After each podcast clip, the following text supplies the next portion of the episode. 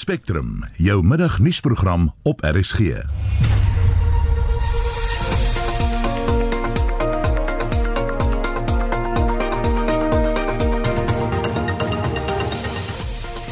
die program ons kry reaksie op president Cyril Ramaphosa se stelling dat die land na groen energie moet beweeg om te verhoed dat ons vir steenkoolkragopwekking beboet word.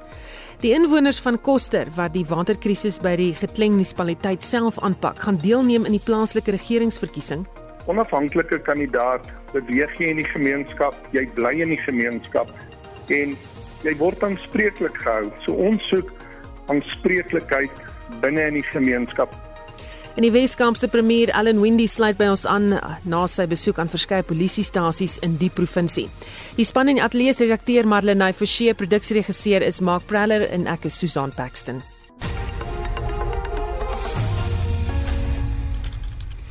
Dis nou bykans 4 minute oor 12 jy luister na Spectrum. President Cyril Ramaphosa het gister in sy weeklikse nuusbrief gesê dat daar al meer fokus gaan wees op hernubare energie en die ontwikkeling daarvan. Ramaphosa het verduidelik dat die wêreld al meer in die rigting van groen energie beweeg en lande soos Suid-Afrika sal gestraf word as hulle goedere vervaardig wat met steenkoolkrag vervaardig word. Hy het ook gesê dit gaan al moeiliker raak om finansiering te kry vir steenkoolkrag en daarom moet die land in 'n ander rigting gaan. Intussen gaan die land steeds gebuk onder fase 2 beerdkrag en ons praat nou met 'n dosent aan die skool vir chemiese en mineraal ingenieurswese aan die Noordwes Universiteit, Corneel Skabort. Goeiemôre Corneels. Goeiemôre Susan. Wat het Ramaphosa bedoel met Suid-Afrika sal gestraf word as hy aanhou steenkoolkrag gebruik?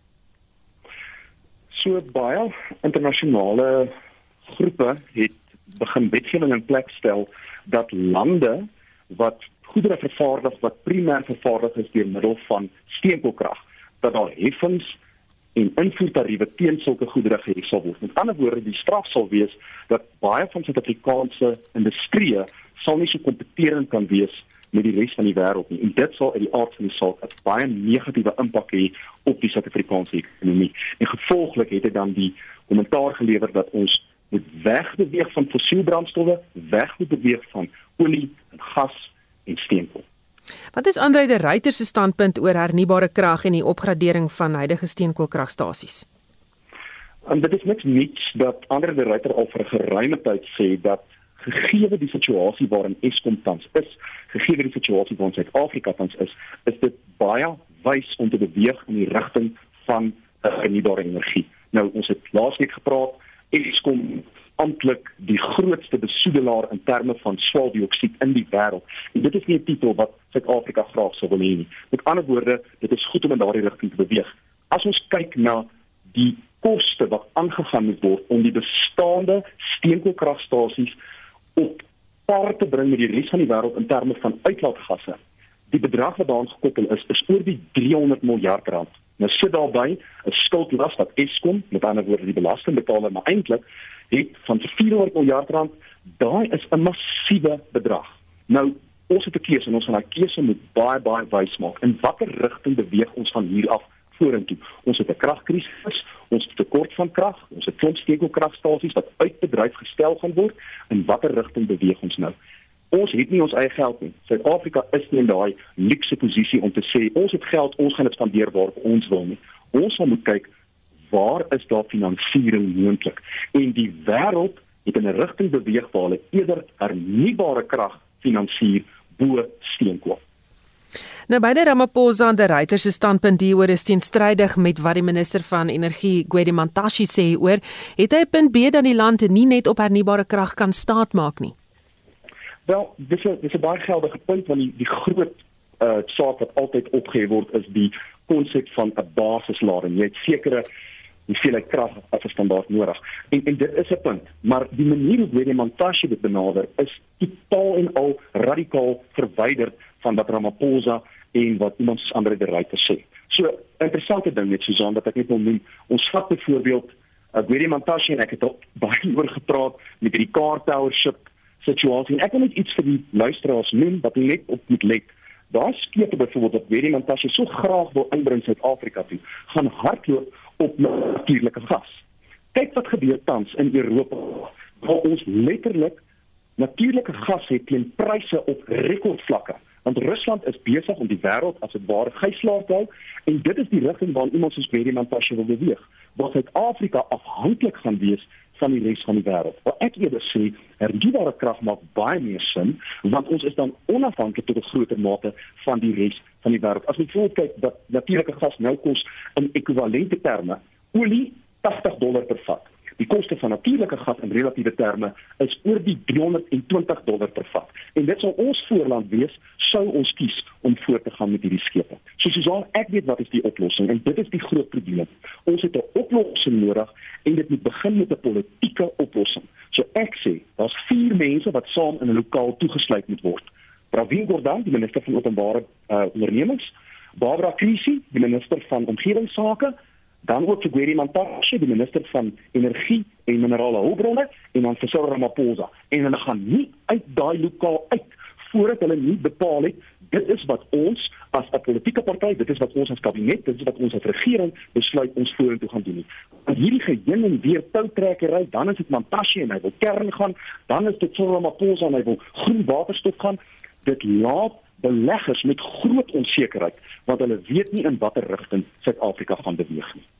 Intussen sukkel die land met beurtkrag. Wat's die jongste hieroor? Wel, ons sit met 'n baie benarde posisie. Dis onthou dit vroeër die jaar gesê, Suid-Afrika se steenkoolkragstasies kan vergelyk word met 'n 39 jaar oue Toyota Camry. Nou daai kar is besig om al hoe meer te breek en dis wat ons hierso sien.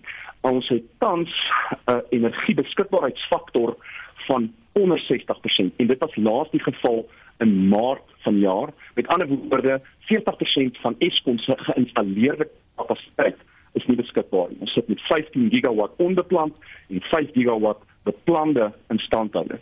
En dit is die probleem waarmee ons sit. Ons sit met verouderde tegnologie veral duislekke wat 'n groot probleem het by die die, die stoomketels wat dit herstel moet word en dit gaan net al hoe meer en al hoe meer en al hoe meer breek. Ons weet dat van hierdie steenkoolstasies binne die volgende 5 jaar in elk geval uit bedryf gestel gaan moet word.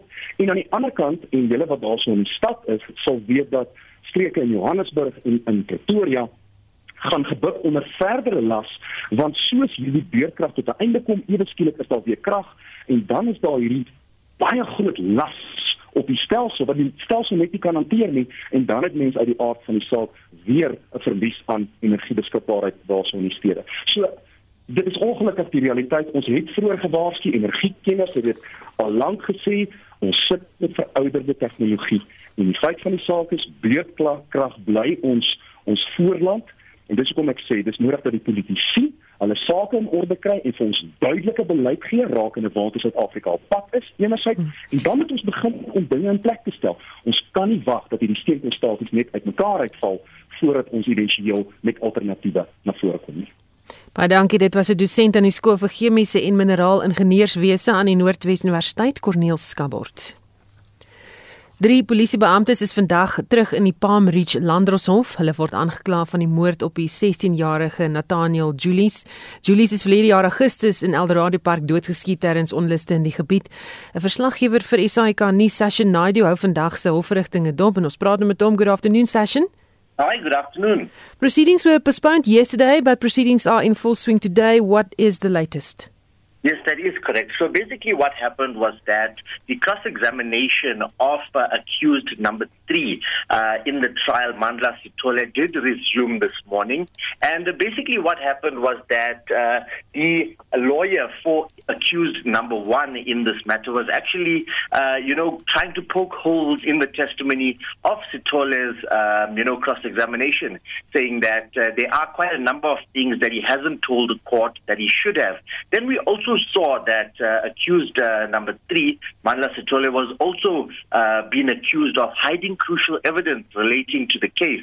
And this after it was found that he was in fact in possession of some ammunition uh, you know, that was in relation to the murder of Julius that he had in his possession, and he actually didn't submit, uh, you know, um, when the, the, three of them were actually arrested. So as we stand now, the state has been just wrapping up or uh, the cross-examination of Sitole, and we will see another accused actually taking the stand. Baie dankie, dit was ons verslaggewer Sasha Naidu. Ons bly by nuus uit die howe. Die Molopo Landroshof in Mahikeng in Noordwes het borgtog van R50000 elk aan twee mans toegestaan wat daarvan beskuldig word dat hulle renosterhorings onwettig vervoer het.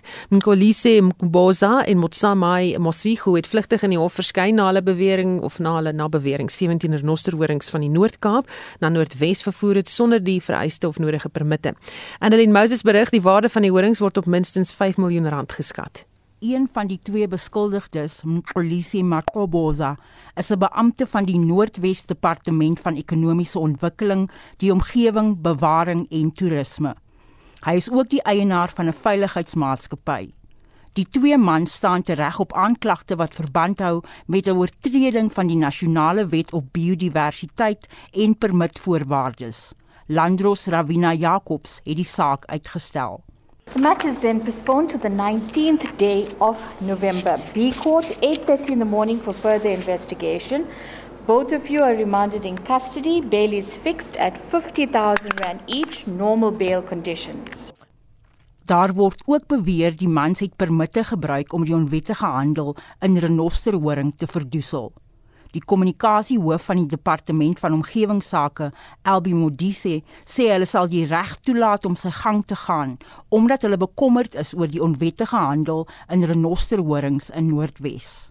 The department is extremely concerned and is very worried, but we would like to ensure that uh, there is a fair process that runs its course and that uh, we allow the courts to proceed and, and indicate whether the individuals uh, indicated or accused are guilty or not.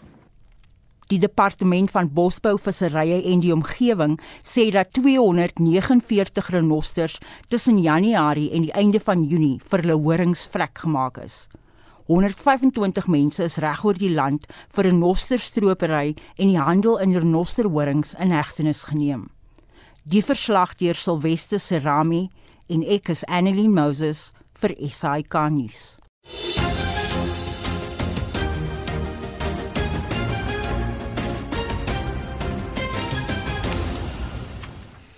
Nou kwart oor 12 inwoners van Koster in Noordwes hoop dat die hof in die provinsie die waterkrisis in die Gekleng munisipaliteit vir eens en vir altyd kan bylê. Die inwoners van die dorp sukkel weer met behoorlike riooldienste en waterverskaffing. Dit nadat besorgde inwoners die watersuiweringsaanleg aan die dorp in 2020 van die munisipaliteit teruggevat het en herstel het. Die inwoners het toe aangevoer dat die munisipaliteit nie die kapasiteit het om die suiweringsaanleg te bestuur nie. Die Hooggeregshof in Noordwes het later in 'n uitspraak gesê die suiweringsaanleg moet weer teruggegee word aan die munisipaliteit. Willie Jones wat die projek destyds namens die inwoners bestuur het, sê hulle is weer terug waar hulle begin het met die waterprobleme in Koster. Jones sê dis die rede hoekom hy nou geregistreer het as 'n onafhanklike kandidaat in die komende plaaslike verkiesing.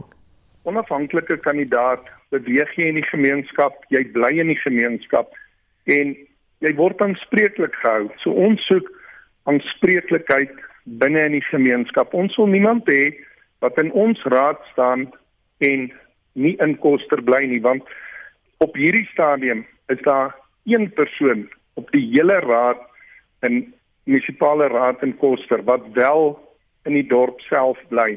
So daai mense word nie geraak met die probleme wat ons gemeenskap elke dag in die gesig staar nie want baie van die raadslede het nou dik geld gemaak en hulle bly in plekke soos Rustenburg en dit.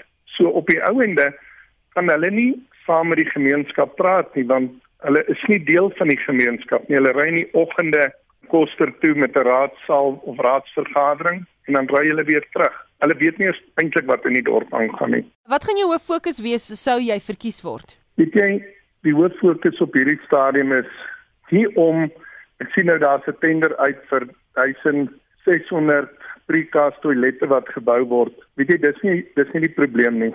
Die probleem is Ons moet die rioollekkasies wat daar is, moet heel gemaak word.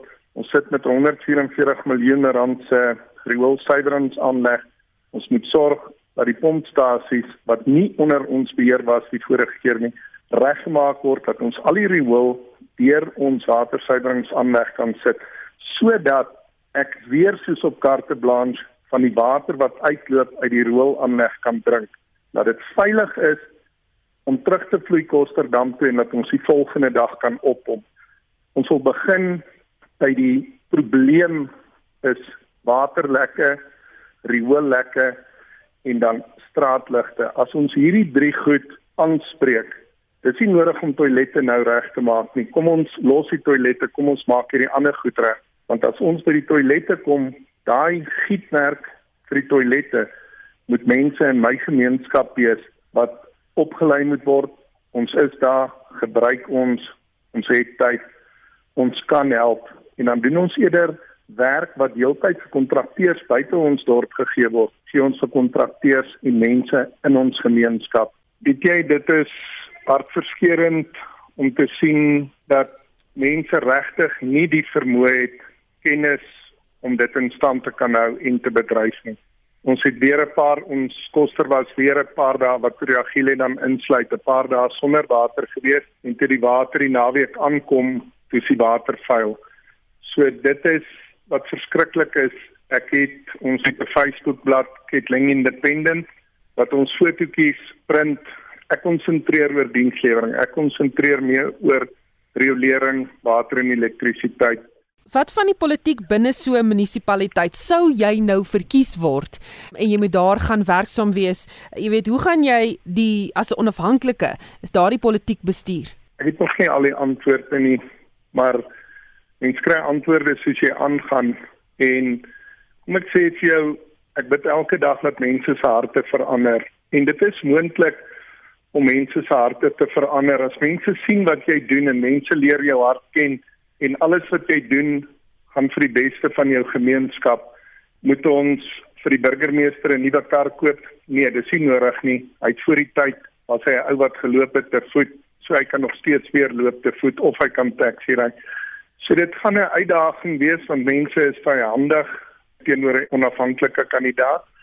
Mense sien jou as 'n bedreiging en weet jy, dit is nie wat ek is nie. Ek is daar en Willem is daar en al ons ander independent kandidate of onafhanklike kandidate is om ons dienste aan te bied, ons vermoë aan te bied en te sê hier is ons gebruik ons ten goede van die hele gemeenskap en dit was Willie Jones onafhanklike kandidaat in die verkiesing in die Getleng munisipaliteit. Ons bly by die onderwerp die Getleng rivier munisipaliteit bedien Koste Derby en uh, Swartruggens in Noordwes. In Swartruggens sukkel inwoners ook met dienslewering. Die Elandsrivier wat in die Lindliespoort dam invloei se water was op 'n stadium so vuil dat dit nie vir menslike gebruik geskik was nie. Die waterpompe wat die water na die dorp versprei is ook konstant stikkend en 'n plaaslike inwoner Willem Rochea al vir jare lank die pomp in stand. Rochea het ook besluit om as onafhanklike kandidaat te staan in die verkiesing om dienslewering daar te verbeter? Ek dink nogal ons gaan 'n interessante tyd hê. Ons die huidige stadium gaan ons nie eens water hê nie. Ons gaan nou die pomp stabiliseer, weer uit die water uittrek, die motor want hy gaan brand. So ek dink die grootste uitdaging is as ons ten minste kan beheer kry oor dit wat aangewend moet word vir sekere goed dat ons dit kan laat aanwend vir dit waarvoor dit geoogmerk is. Waar sien jy jou plek in as 'n onafhanklike kandidaat en sou jy verkies word? Waar sien jy jou plek in die munisipale strukture? Dit hang af wat hulle jou wil indruk voor, né, nee, maar as die bestuur, maar op die ou ene van die dag gaan dit wees dat die gemeenskap toesig gaan hê oor hoe die munisipaliteit die geld gaan bestuur. Waar ons 36% van eie inkomste mag gebruik vir salarisse en lone, staan ons op die huidige stadium op 360%. Nou die restant dan is wat 'n gat moes toegemaak het. Hier's geen gate wat toe is nie, niks nie. Want daai fondse word gebruik vir salarisse en lone. En dit is wat ons moet weer beheer oor kry op die ouende van die dag. Daar's baie mense wat sê dit gaan moeilik wees vir onafhanklike kandidaate om kop of ster te maak in 'n munisipale omgewing waar almal in politieke partye behoort en die politieke partye die meerderheid stem het ensovoorts. Eh, wat doen jy gevoel daaroor? Ek dink die wet is duidelik. Ons sê die wet is nie geskryf vir 'n politieke party nie. Die wet is geskryf vir ons almal op die ouene van die dag. En dit is die toepassing van die wet waarby ons gaan uitkom. En gelukkig dink ek die onafhanklike mense is besig genoeg wat die wette aanbetref om dit toe te pas.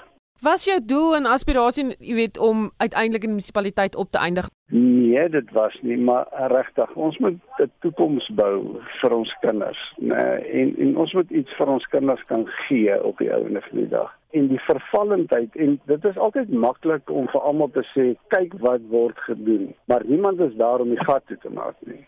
So as ons die gat toemaak en 'n voorbeeld stel om die gat toe te maak. Die groot ding gaan oor ons moet buitekapitaal kry binne hierdie arm gemeenskappe. En 'n ou kan dit alleenlik doen as 'n dorp skoon is. Kom ons begin by daai basis. Kom ons kry skoon dorp en ons wys vir die mense ons is trots. Dit gaan oor eienaarskap. Hoekom het ek 'n huis in die dorp as ek nie eienaar is daarvan nie? Maar ek is 'n eienaar op 'n papier by die bank want hy staan vir my pa versekerde goed. Maar ek dink ons kan eienaarskap vat op die einde van die dag weer terug en dit was Willem Rushain afhanklike kandidaat vir die Gekleng munisipaliteit in Noordwes. Op 1 November neem 'n nuwe generasie kiesies vir die eerste keer deel aan die plaaslike regeringsverkiesing. Baie van hulle het egter nagelaat om vir die plaaslike regeringsverkiesing te registreer en glo nie dit is die moeite werd nie. Hier is wat van hulle aan Spectrum gesê het. So I registered to vote, but I didn't do it at my own will. It was at my dad's will.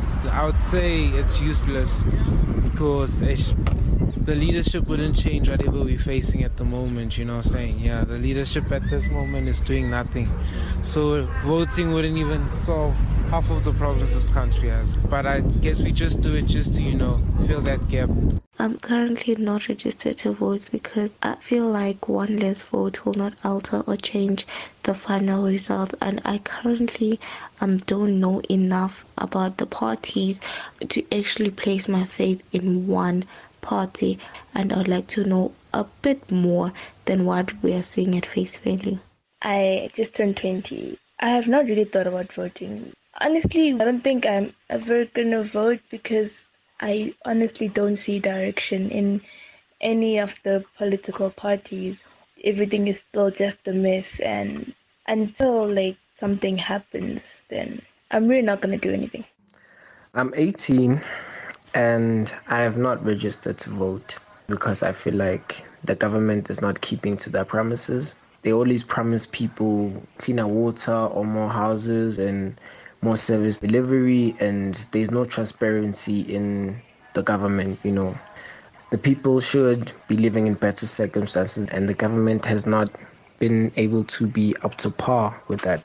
I have not registered to vote, nor will I be voting this year because I feel like my vote will not make a difference whatsoever. I don't feel like the elected parties will not make a difference or will not be keeping to the promises that they make every time they run for elections. So if they don't keep up to those promises, I don't see a reason to vote for them. I am 19 years old. I'm not registered because honestly, I don't see a point. The ruling party will forever be the ANC in this country, unfortunately. We have no say. En dit is die stemme van jong mense met wie daar vroeër gepraat is hier in Johannesburg oor die komende verkiesing. Die Getleng rivier munisipaliteit bedien Koste, Durban en uh, Swartruggens in Noordwes. In Swartruggens sukkel inwoners ook met dienslewering. Die Elandsrivier wat in die Lindliespoort-dam invloei se water was op 'n stadium so vuil dat dit nie vir menslike gebruik geskik was nie. Die waterpompe wat die water na die dorp versprei is ook konstant stikkend en 'n plaaslike inwoner Willem Rochea al vir jare lank die pomp in stand. Rochea het ook besluit om as onafhanklike kandidaat te staan in die verkiesing om dienslewering daar te verbeter? Ek dink nogal ons gaan 'n interessante tyd hê. Ons hier by huidige stadium gaan ons nie eens water hê nie. Ons gaan nou die pomp stabiliseer, weer uit die water uittrek, die motor want hy gaan brand. So ek dink die grootste uitdaging is as ons ten minste kan beheer kry oor dit wat aangewend moet word vir sekere goed dat ons dit kan laat aanwend vir dit waarvoor dit geoogmerk is. Waar sien jy jou plek in as 'n onafhanklike kandidaat en sou jy verkies word? Waar sien jy jou plek in die munisipale strukture? Dit hang af wat hulle jou wil indruk voor, nê, nee, maar as die bestuur, maar op die ou ene van die dag gaan dit wees dat die gemeenskap toesig gaan hê oor hoe die munisipaliteit die geld gaan bestuur. Waar ons 36% van eie inkomste mag gebruik vir salarisse en lone, staan ons op die huidige stadium op 360%. Nou die restant dan is wat 'n gat moes toegemaak het. Hier's geen gate wat toe is nie, niks nie. Want daai fondse word gebruik vir salarisse en lone. En dit is wat ons moet weer beheer oor kry op die ouende van die dag. Daar's baie mense wat sê dit gaan moeilik wees vir onafhanklike kandidaate om kop of ster te maak in 'n munisipale omgewing waar almal in politieke partye behoort en die politieke partye die meerderheid stem het ensovoorts. Wat doen jy gevoel daaroor? Ek dink die wet is duidelik. Ons sê die wet is nie geskryf vir 'n politieke party nie. Die wet is geskryf vir ons almal op die einde van die dag. En dit is die toepassing van die wet waarby ons gaan uitkom. En gelukkig dink ek die onafhanklike mense is besig genoeg wat die wette aanbetref om dit toe te pas. Was jou doel en aspirasie, jy weet, om uiteindelik in die munisipaliteit op te eindig? Nee, dit was nie, maar regtig, ons moet 'n toekoms bou vir ons kinders, nee, en en ons moet iets vir ons kinders kan gee op die einde van die dag. En die vervallendheid en dit is altyd maklik om vir almal te sê, kyk wat word gedoen, maar niemand is daar om die gat toe te maak nie. So as ons die gat toemaak en 'n voorbeeld stel om die gat toe te maak. Die groot ding gaan oor ons moet buitekapitaal kry binne hierdie arm gemeenskappe. En 'n ou kan dit alleenlik doen as 'n dorp skoon is. Kom ons begin by daai basis. Kom ons kry skoon dorp en ons wys vir die mense ons is trots. Dit gaan oor eienaarskap. Hoekom het ek 'n huis in die dorp as ek nie eienaar is daarvan nie? maar ek is 'n eienaar op 'n papier by die bank want hy staan vir my pa versekerde goed. Maar ek dink ons kan eienaarskap vat op die einde van die dag weer terug. En dit was Willem Rushen, afhanklike kandidaat vir die Gekleng munisipaliteit in Noordwes. Later in die program minstens 2000 toeskouers woon vanaand se sokkerkragmeting tussen Bafana Bafana en Ethiopië by by die FNB stadion in Soweto. Amnesty International sê die gebrek aan dienslewering soos skoon water, sanitasie en voldoende behuising is 'n skending van menseregte en die DEA dring daarop aan dat Afrikaans as 'n inheemse taal verklaar word. Bly ingeskakel. Die hm, Ons begin eerder met hierdie storie vir ons. Daar in van die premier van Mpumalanga, Refilwe Metsweni Tsipani sê die gereg moet sy gang gaan in die saak teen die ALR vir landbou, Mandla Msibi. Hy is in hegtenis geneem op aanklagte van moord en poging tot moord na 'n skietery waarna hy betrokke was in Bombela in Augustus. Die 35-jarige Joseph Ngwenya en die 30-jarige Tsepo Matsanye is ook in hegtenis geneem in verband met die voorval. Die premier se woordvoerder, Sibongile Makani Mpweni, het vroeër aan SAK nuus gesê die premier sal vandag besluit oor die pad vorentoe. Well, the premier was sad about what has happened, but uh, she is fully supportive of the investigation and wants the rule of law to be respected and the law to take its course in this matter. You will understand that the MEC was already on precautionary leave because he was the head of elections in the province. So he was not in the cabinet when this thing happened. But of course, the premier today should make an announcement as to what is going to happen to the NEC. They were supposed to meet as well with the ANC yesterday, uh, but that meeting occurred very late in the night, and it's continuing this morning where a decision will be taken as to what exactly is the next step. Mpoweni sê die premier het reeds aangedui dat sy president Cyril Ramaphosa se standpunt oor die kwessie deel. Then you'll also understand that it is the policy of the ANC which is the ruling party, that if any member is charged of corruption or any serious crime, that member should step aside. Sy sê hoewel hulle geskok is oor gebeure, is Msibi nog nie skuldig bevind nie. The premier did say that she was shocked, but also we know that at this stage it's still allegations. He could go through the court trial and be found to be innocent.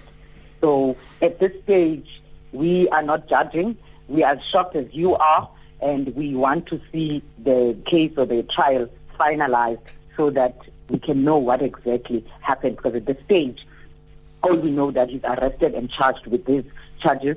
He was arrested before for similar charges and uh, he was acquitted. It was found that it was not true. Even some of the witnesses came before uh, wanting to do media statements saying that they were bought that he was innocent. They were told to mention him. So even with this one, we don't know. Hence, we don't want to preempt, and we are assuming that he's innocent until he is proven otherwise. Volgens haar is die belangrikste doelwit om te verseker dat daar nie geweld uitbreek binne die ANC voor die verkiesing nie. In fact, the Premier over the weekend had a meeting with the MEC for Community Safety, Security and Liaison, MEC VR Shongwe, discussing such criminality, where she was saying that we cannot allow acts of criminality, whether you term it political or just crime, to happen in the province, and that police must be on guard and they must intensify and they must have their intelligence people on the ground to avoid such incidents and not just be reactive and act after a person has been killed or stabbed or what, but they must be proactive and be on the ground and make sure that there are no incidents as we head to the elections. En dit was die woordvoerder van die premier van Mpumalanga, Sibongile Mkani Mpolweni. Die Weskaapse premier Allan Windey en die ALR vir gemeenskapsveiligheid Albert Fritz besoek vandag polisiestasies reg oor die provinsie. Windey is bekommerd oor die gebrek aan polisiehulpbronne by van die stasies. Hy het vroeër beroep op die nasionale regering gedoen om in te gryp. Die besoek volg na uitsprake deur die minister van polisie Bekkie Cele wat beweer die Weskaap het genoeg polisiehulpbronne. En ons praat nou met die premier. Goeiemôre Allan. Goeiemôre, dankie. Lekker om saam te wees. Jy het nou self gaan kyk wat by van die stasies aangaan. Wat is die situasie? Ja, ek was absoluut verbaas toe die minister sê en in sy woorde the Western Cape gets the lion's share of resources totaal onwaar. As jy vat van 'n begroting se kant af, is ons nommer 4. Ehm um, so daar's drie ander provinsies wat baie meer as ons kry. Uh eerste ding, die tweede ding is ons weet dat eh uh, van die gebiede veral op die Cape Flat is ons hoogste moordsyfers in die land. Uh so ons wil nie nommer 4 wees nie. Ons wil eintlik die Lions share kry, maar ons kry dit nie. Ehm um, so ek is nou besig om net rond te kyk. Ek weet uh die minister toe het dit gesê was in Mitchells Plain, so ek is nou in Mitchells Plain. Ek het nou net uh, 'n uh, draai gemaak by die Lentegee polisiestasie. Daar uh as jy kyk, hulle het uh 303000 mense in die Lentegee polisiestasie wat hulle diens gee.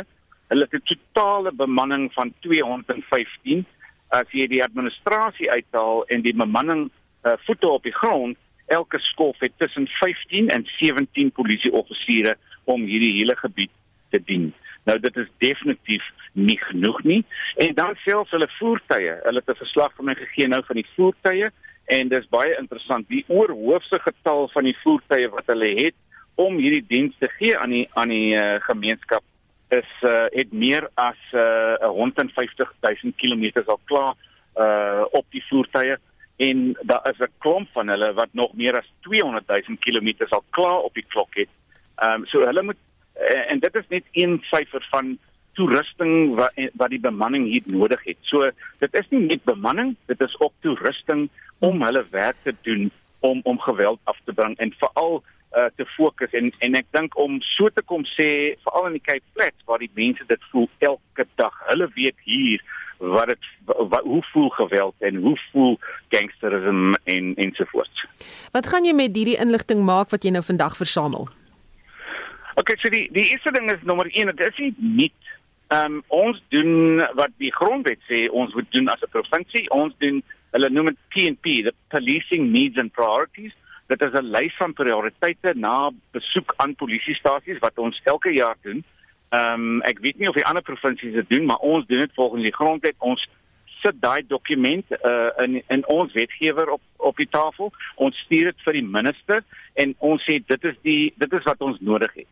Maar ek dink wat ons kry en wat ons nou uh, sien wat nodig is, is definitief twee verskillende daar's twee verskillende uh, uh, lyne hier. En uh, so die minister moenie dinge kom sê nie wat nie waar is nie. Ehm um, ons soek eintlik regte uh uh uh ondersteuning om geweld af te bring. So ons het ook gesê van ons kant, dis hoekom ek nou 'n veiligheidsplan het waar ons uh, ekstra bemanning op die grond sit. Ons het al klaar ekstra 1000 ehm um, uh, law enforcement offisiere nou ehm um, op of, of uh, uh, toegedien aan ons hoogte moordsyfer polisiestasies ehm um, om te help. En uh ons uh, is ook besig met 'n groot program van violence prevention. Ons moet eintlik begin waar waar seuns miskien nou begin kwaad maak. Hoe hoe hoe gee hulle geleenthede om nou 'n positiewe bydrae te maak uh, in in in nie 'n negatiewe bydrae uh wat doen ons in die eerste 1000 dae van 'n kind se lewe hoe werk ons in met saam met ons skole? Net om om om ook te help met uh, met uh, geweld en en geweld begin om 'n verandering te bring. Ons is ernstig om dit veiliger te maak en ons wil hê dat die polisie uh moet ook o, o, ons vernote wees en eintlik op die einde van die dag wil ons ook hê dat ons met 'n kans kry in die provinsie om te wys as ons die bestuur op provinsiale vlak sit waar ons die besluit te maak of waar sit ons daai bemanning uh, ons sal definitief 'n verskil maak. Die bemanning ja. sit in in die verkeerde polisiestasies. Baie dankie, dit was die Weskaapse premier Allan Windy.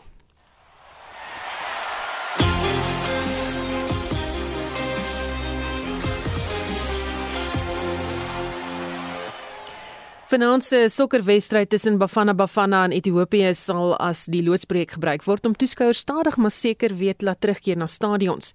2000 toeskouers sal vanaand in die FNB stadion in Soweto die Wêreldbeker kwalifikasiewedstryd kan bywoon. Toeskouers kan egter slegs kaartjies koop as hulle ingeënt is. Die sokkerbeheerliggaam SAFA se mediese hoof, Dr Tulani Ngwenya, sê al die kaartjies het vinnig uitverkoop. It went like wildfire. It went live. The system went live at 4 and around 10 to 6 all the tickets were sold out so it tells the, the much need or desire of people wanting to go back to the stadium Gwenya sê 4 uur gistermiddag is daar 'n aanlyn skakel beskikbaar gestel vir mense wat wou kaartjies koop. Spesifieke inligting is geëis om te verseker dat jy wel ingeënt is.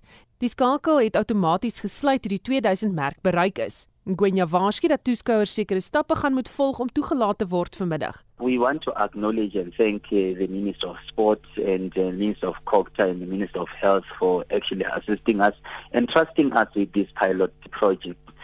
Firstly, people had to apply on the system and when they apply on the system then they were going to get a confirmation a QR code on their cell phone or email address.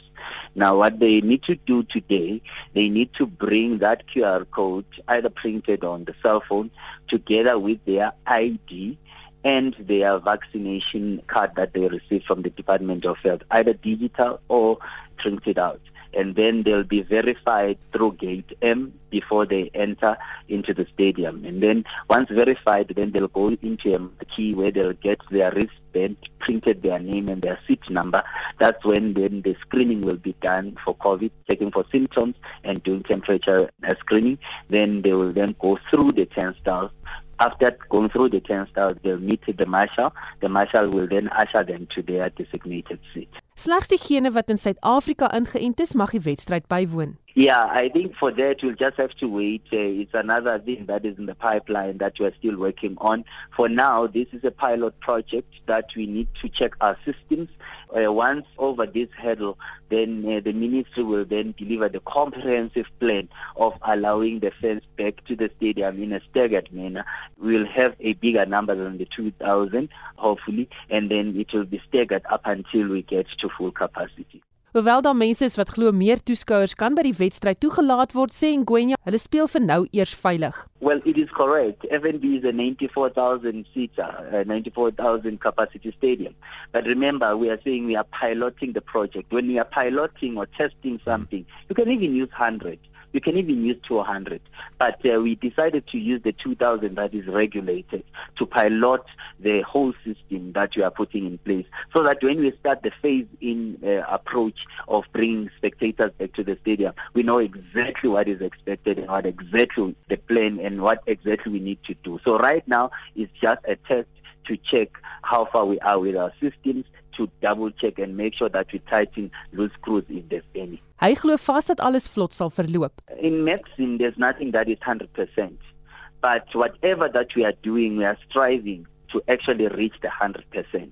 We have given our best, we have done our best, we have done, we have crossed our T's, we have dot, dotted our I's, we have made sure that the measures that we have put in place, we are very confident that we will have a minimal, if any, risk with the plans that we have put in place. And these plans have been supported by the Department of Health Ministry. So it means that it's quite a comprehensive plan. So we are confident. But then I cannot say 100% because in medicine there's mm. nothing that is 100%. En dit was die die sokkerbeheerliggaam SAFA se mediese hoof Dr Tulani Ngwenya en hy het vroeër met SAK nuus gepraat. Ons bly by die storie, die Bafana Bafana afrigter Hugo Bruce het sy spelers lof toegeswaai vir die verbetering wat hulle getoon het in die maand sedert sy aanstelling. Hy is vol vertroue dat die spelers alles sal uithaal tydens die kwalifiserende wedstryd teen Ethiopië op hulle tuisveld en Annelien Moses berig. Bafana Bafana se 3-1 oorwinning teen Ethiopië het selfs die span se grootste kritisie laat regop sit en die hoop laat opvlam dat die span vir die FIFA Wêreldbeker kan kwalifiseer. Die span het 'n nuutgevonde veggees ontwikkel wat vanaand vir groot opwinding kan sorg. Die Belgiese afrigter sê egter hy verdien nie enige lof nie omdat die spelers hard gewerk het. We started here uh, one month ago with the first camp. And when you see the steps we made, it's very good work from the players. I can only ask some things, I can only give them some things and, and, and, and give solutions. But at the end, it's the players who have to do that.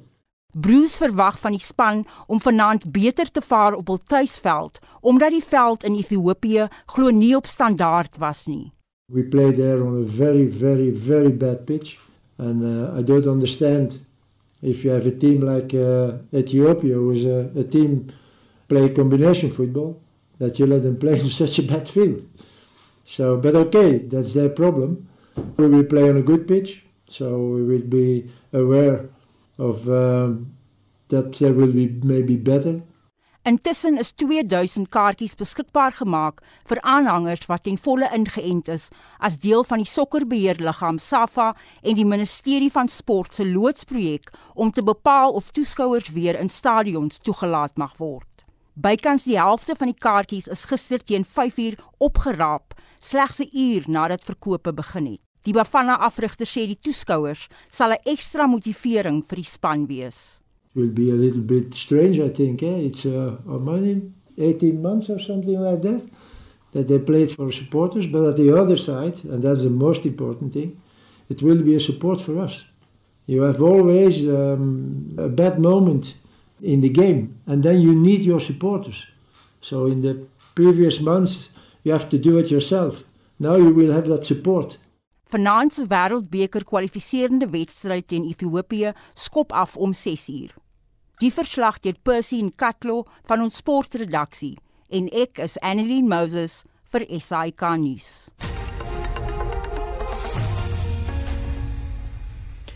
Die DA dring daarop aan dat Afrikaans as 'n inheemse taal verklaar word. Die party het vandag 'n optog in Swani na die kantoor van die minister van hoër onderwys Blyden se Mandi gelei.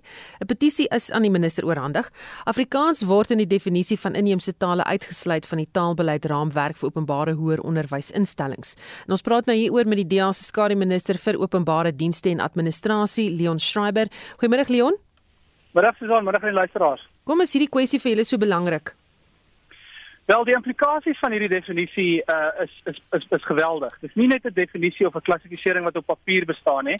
Uh, die praktyk in die praktyk as dit as dit so staan, gaan dit beteken dat taalbeleide van universiteite en moontlik as dit as dit as 'n beginselsaak aanvaar word dat Afrikaans kampstig uitheems is, dan kan ons ook sien dat dit oorspoel na skole en ons weet mense soos uh, meneer Panjaza Lesofie en professor Wim de Villiers uh, kan hierdie tipe klassifisering gebruik as 'n verskoning om Afrikaans selfs verder af te water want nou wat gebeur is dat minister Nzimande sê dis 'n uitheemse taal en uh, dit is soos om skietgoed te gee vir uh, mense wat Afrikaans nie goed gesind is nie. So dit het baie ernstige praktiese implikasies. Dis nie net 'n klassifisering nie en dit uh, dryf natuurlik direk in teen wat uh, die akademiese uh, literatuur, die wetenskap en selfs die grondwet of in die, die Unisa uitspraak vir ons gesê het. So meneer Nzimande uh, tree direk op uh, teen en strydig met wat die grondwet of gesê het. Deur hoeveel mense is die petisie onderteken? Uh, ons het 'n uh, bietjie meer as 5.500 handtekeninge aan minister Nzimande oorhandig. Die petisie is steeds oop. Uh, maar dit is hoeveel op hierdie stadium dit onderteken het. En in die petisie maak ons uh, drie eise. Ons ons eis eerstens natuurlik dat die klassifisering reggestel word om in lyn te kom met wat die grondwet hof gesê het en uh, met die wetenskaplike feit dat Afrikaans 'n inheemse taal is wat hier op tuisbodem ontwikkel het. Uh, ons vra ook dat minister Semande dit dan kommunikeer aan universiteite sodat hulle bewus is daarvan en hulle taalbeleide dien ooreenkomstig aanpas om erkenning te gee aan Afrikaanse inheemse status. En laastens vra ons ook dat minister Semande aan die Afrikaanssprekende gemeenskap om verskoning vra vir die manier waarop hy hierdie saak tot dusver hanteer het. Uh luisteraars sal onthou die DA het oor 'n tydperk van maande aan hom geskryf en hom versoek om dit reg te stel en hy het onlangs gereageer deur te sê daar's een of ander regse agenda, uh, 'n rassistiese storie aan die gang uh, wat natuurlik direk strydig is met wat regter Steven Majid van die grondwet hof gesê het waar hy gewaarsku het dat dit is 'n gevaarlike wanpersepsie om heeltyd Afrikaans te probeer afmaak as hierdie taal van die onderdrukker uh, en dit is uh, wat ons eis dat hy om verskoning vra in die Afrikaanssprekende gemeenskap. Baie dankie, dit was die DA skare minister vir openbare dienste en administrasie Leon Schreiber. Vandag se sake nuus word aangebied deur Renier van Sail portefeuljebestuurder by Efficient Private Clients. Goeiemôre Renier. Goeiemôre en goeiemôre aan almal wat luister. As ons ek spring en ons kyk na die plaaslike mark, is hy glad nie gelukkig nie. Die alle aandele indeks is 'n 0.5% laer en ons top 40 indeks is 0.7% laer vir die dag. Nou hulle word geskakel laer vir ons hulpbronne wat vir 1% laer is en ons banke is basies onveranderd. As ons kyk na die grootste bewegers, is Spinoff op met 5.5% en Sappi, die papiermaatskappy, is op met 2.9% vir die dag. Sasol aan die ander kant in die minste, hy's laer met 3.8% op die rig van laer oliepryse en RCL is laer met so 2.3% vir die dag. As ons kyk na ons wisselkoers, het hy met so 0.2% verswak van vanoggend af. Hy staan op 14.93 teen die dollar 2033 teen die pond en dan 1726 teen die euro. En as ons kyk na ons kommoditeite, is die prys van goud ook laer. Hy's op 1762 dollars per fyn ons en soos ek genoem het, staan die prys van Brent olie op 84 dollars 36. Gisteraand het die Amerikaanse markte hoofsaaklik in die negatiewe terrein gesluit en die markte in Europa is ook in die rooi op die oomblik. En dis nou van my kant af. Baie dankie. Dit was Renier van Sail, portefeuljebestuurder by Efficient Private Clients. Die gebrek aan dienslewering so skoon water, sanitasie en voldoende behuising is 'n skending van menseregte. Dienslewering is 'n reg nie, 'n voorreg nie, so sê Amnesty Internasionaal Suid-Afrika. Dit is tyd dat politici ophou om leë beloftes te maak aan inwoners wat steeds nie toegang het tot basiese dienslewering nie en Essie de Klerk het meer besonderhede. In 'n veldtog wat Dignity Now genoem word, doen Amnesty Internasionaal 'n beroep op die Departement van Samewerkende Regering en Tradisionele Sake om te verseker dat munisipaliteite hulle mandaat nakom om basiese dienste te lewer. Die gebrek aan skoon water, sanitasie en behuising is 26 jaar na die aanbreek van demokrasie in Suid-Afrika steeds 'n tasbare probleem, sê die uitvoerende direkteur van Amnesty Internasionaal, Shenila Mohammed. Our research has found over 20 million people in this country do not have access to basic clean water services. And, you know, for us, that is unacceptable, especially at a time of COVID 19 We also have seen uh, issues around the right to house. A lot of money has gone to corruption uh, that should be put towards housing, water, sanitation. Over 3.7 million families are still waiting for access to adequate housing. We have seen uh, shanty towns spring up all around the country. That is not the way for anyone to be living. Sy sê gemeenskappe voel dat die regering hulle in die steek laat. The problem we are facing in this country is a lack of government delivery of basic essential services, which are people's basic human rights and are not a privilege. So, with this election, what we are calling for is that whoever comes into power, they are pressurized by society, by the people, to deliver on these basic human rights. Mohammed sê dit is hoekom Amnesty Internasionaal in Suid-Afrika 'n veldtog bekend gestel het om die regering te noop om sy mandaat van dienslewering na te kom. Hulle vereis aanspreeklikheid, deursigtigheid en toegang tot inligting van die regering. All commitments that are made at the level of local government have to be fulfilled. And this includes monitoring the progress of municipalities and ensuring that also the delivery goals are achieved. We are also asking for transparency. We want to ensure that there is accountability for the abuse of power and the mismanagement of public funds at all levels of local government. And then finally, access to information. That municipalities adhere to the legal requirements to consult with communities and to provide information and feedback on budgets and plans. Sy sê die tyd het aangebreek dat die gemeenskap die mag terugneem in hulle eie hande en besef hulle toegang tot water, sanitasie en behuising is hulle reg. Ek is Estie de Klerk vir SAK nuus. Sin 1256 en Jamari hou die ontwikkelende stories dop. President Cyril Ramaphosa het gister in sy weeklikse nuusbrief gesê dat daar al meer fokus gaan wees op hernubare energie en die ontwikkeling daarvan. Hy het verduidelik dat die wêreld al meer in die rigting van groen energie beweeg en lande soos Suid-Afrika sal gestraf word as goedere met steenkoolkrag vervaardig word. 'n Dosent aan die skool vir chemiese en mineraalingenieurswese aan die Noordwes Universiteit, Corneel Skabord, sê Suid-Afrika sit met 'n tammeletjie. As ons kyk na die koste wat aangegaan moet word om die bestaande steenkoolkragstasies op par te bring met die res van die wêreld in terme van uitlaatgasse. Die bedrag wat daaraan gekoppel is, is oor die 300 miljard rand. Nou sit daarbey 'n skuldlas wat Eskom, met ander woorde die belastingbetaler, maar eintlik het van 400 miljard rand. Daai is 'n massiewe bedrag. Nou ons het 'n keuse en ons gaan daai keuse moet baie baie wys maak. In watter rigting beweeg ons van hier af vorentoe? In ander nuus, die veroordeelde moordenaar Jason Rhodes regspan gaan 'n aansoek indien wat vra dat regter Gayad Salih Klope Rhodes se dringende borgaansoek hoor. Sy regspan het haar versoek omdat sy die een was wat oor sy moord verhoor behartig het. Rhodes poog om die aanmeldtyd om sy tronkstraf te begin uitdien uit te stel. Vandag is ook wêreldbevolkingsdag. Vanjaar word daar op die jeug gefokus. Die tema is regte en keuses. Die bewusmakingsdag poog om seksuele gesondheid onder die jeug in die kollig te plaas. Dan het die Universiteit van die Witwatersrand se studenteraad wit se voorgestelde raamwerk vir verpligte inentings verwerp. Die studenteraad sê die voorstel dat diegene wat nie ingeënt is nie, weekliks 'n negatiewe COVID-19 toets moet indien, sal armer studente benadeel omdat hulle dit nie sal kan bekostig nie. En op die internasionale front tennisspelers wat in die Australiese Ope in Melbourne gaan meeding, moet teen COVID-19 ingeënt word. Die staat Victoria het dit verpligtend gemaak vir alle beroepssportlei om ingeënt te word. Daar moet wel nog duidelikheid verskaf word oor of dieselfde sal geld vir sportlei van oorsee. En die monitorspan is reeds hard aan die werk vir môreoggend se program. Ons eerste debat met die oog op die plaaslike regeringsverkiesing op 1 November vind môreoggend uh, tussen 10 oor 7 en 8 uur plaas. Die fokus val môre op die Kaapstad Metro. Burgemeesterskandidaate van die Vryheidsfront Plus, die ANC Good en die DA gaan deelneem. Dit was Jamie Verhoef. Ons groet namens ons uitvoerende regisseur Nicoline de Weer, redakteur Marlene Forsie en ons produksieregisseur is Mark Pradder. Ek is Susan Paxton. Geniet jou middag.